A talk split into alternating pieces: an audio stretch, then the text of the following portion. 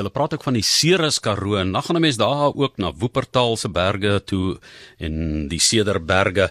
En so wat 200 mense is na Raming haweloos gelaat nadat meer as 40 huise in 'n verwoestende brand in Woopertaal in die Cederberge vernietig is.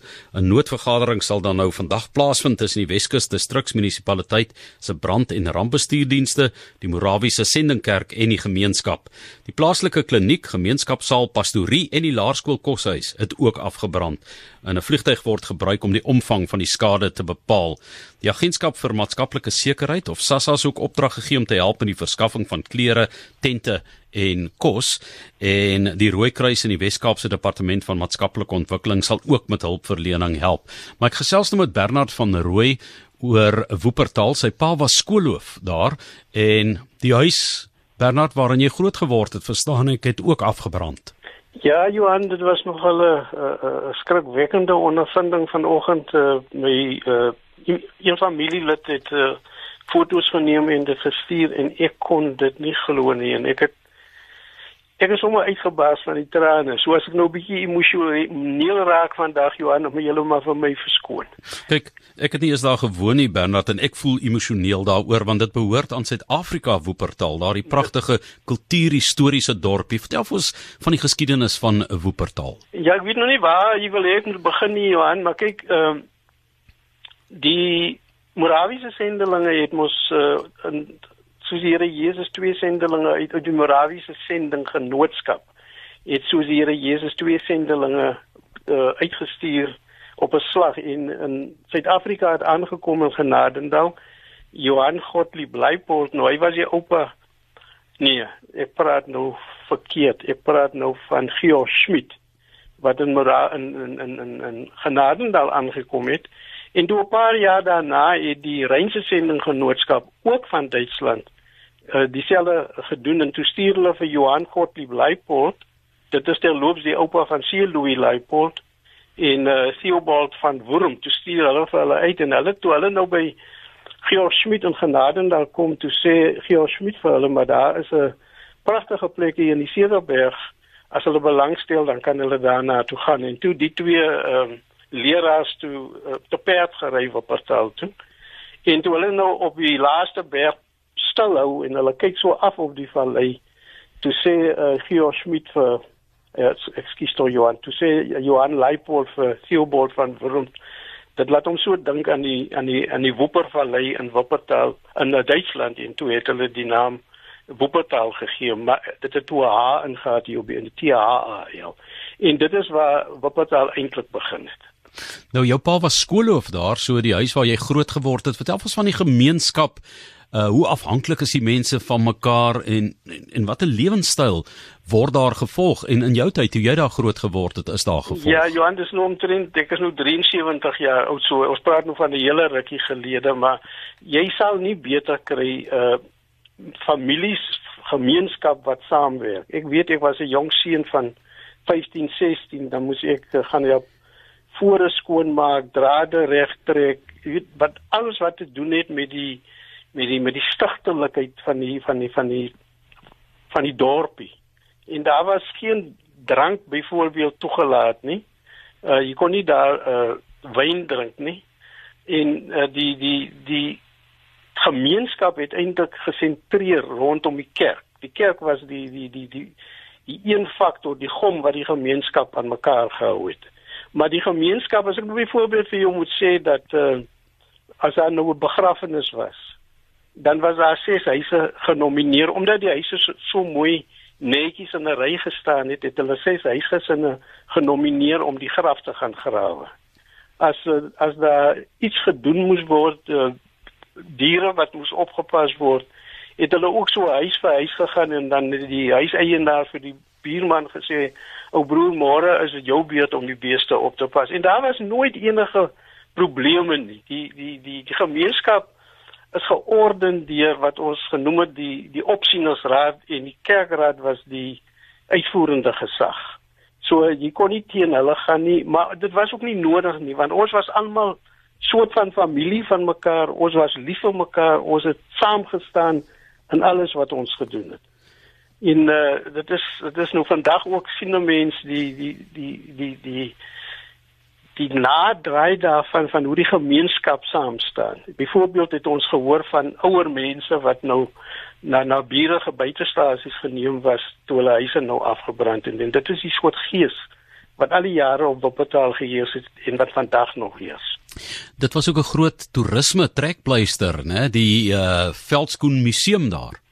Ja, die Veldskoen fabriek, eh, dit is uh die die die uh dit is begin deur die deur die Duitsers. Hulle het uh taamlik uh uh wat is die woord nou? Hulle het uh Veldskoene geproduseer in in in Duitsland. Hulle het die die diere afgeslag en die velle in Wuppertal voorberei en daarvan het hulle die bekende Wuppertal velskoene gemaak. En vandag staan die velskoen fabriek nog altyd, dit maak nog altyd skoene, maar natuurlik nie meer op die op die op die op die soos dit in die verlede was nie, want uh, die vervoer onkoste tussen Wuppertal en die die die die afsetgebied vir velskoene het nou dit het nou net te veel geword.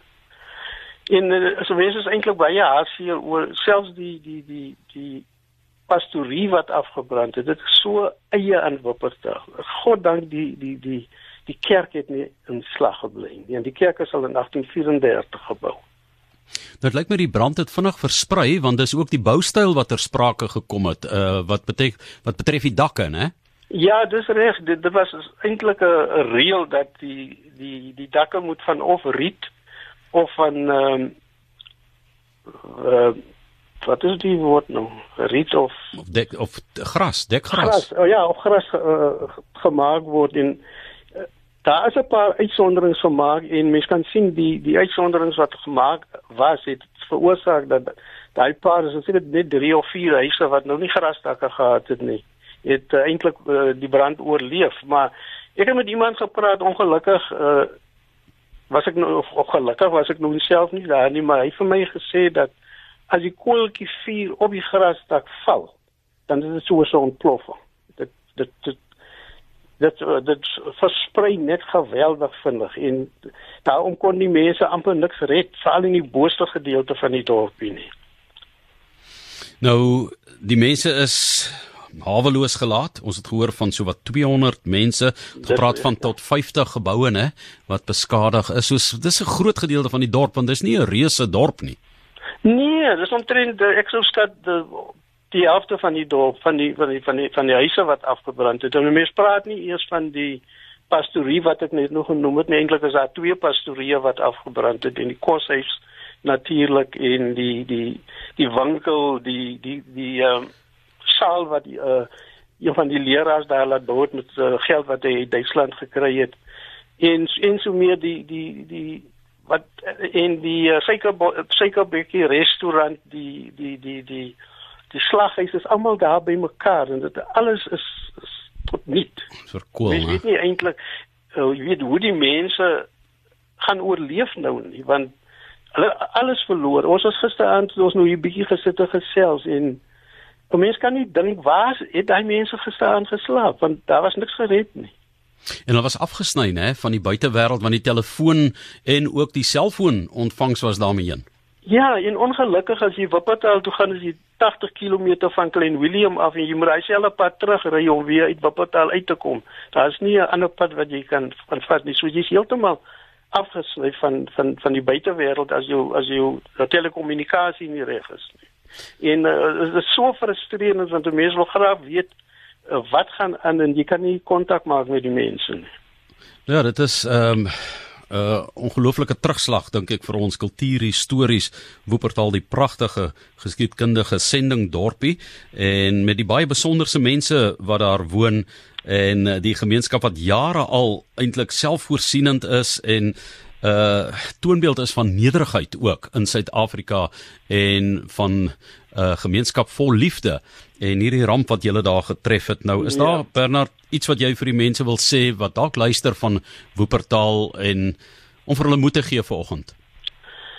Johan al wat ek kan sê is uh ons het groot het nou gesê met die kerk as die sentrale bymekaar kom punt en godsdiens is vir ons was vir was en is vir ons die allerbelangrikste. En ek wil net vir die mense van Wuppertal sê as hulle die wat luister ook nie wat in Wuppertal is nie. Ons kan niks anders doen as om net vir hulle te bid nie. En miskien as dit as dit as dit kan uitwerk dat die mense die na die na die na die ehm um, die eh uh, dis ja die teenoorgestelde van geestelike nou. Die klere, die besittings as 'n mens daarvan E-, eers op 'n uh, uh, insamelingspunt kan kry want want die mense het regtig niks. Hulle het net die klere wat hulle in hulle lewe het. So vir my is dit gaan op jou knieë nie net wat betaal is nie, maar ook die wat wil help eh uh, dra die gemeenskap en veral die die ouer mense op aan die Here. Ja, die materiële terugslag wat hulle nou beleef het, né? Dis wat ek net nog gesoek het. Ja. ja. Bernard van Rooi, dankie dat jy met ons gesels het en sterkte vir jou, al die mense wat daarvandaan afkom, die mense wat nou ook geraak is daar op Woopertaal deur hierdie geweldige brande en uh, dit wat daar gebeur het in die huis waarin jy groot geword het, het ook afgebrand en ek kan hoor jou harte seer in eh, die herinneringe, die kom seker nou terug van al daardie ervarings wat jy daar gehad het en so kan ja, al die ander mense. Natuurlik Johan en ek is ek is so bly my vrou kon want sy's ook van Wuppertal en hulle huis het ook afgebrand. En sy kon net op my sê man ek gaan maar nou kyk hoe lyk dit daaronder. En uh, ek wil so graag gaan maar nou uh, ongelukkig as ek in 'n in 'n siekte toestand raak nie so ver kan ry nie en dit maak dit nog erger. Maar baie dankie vir die oproep en vir die gesprek Johan.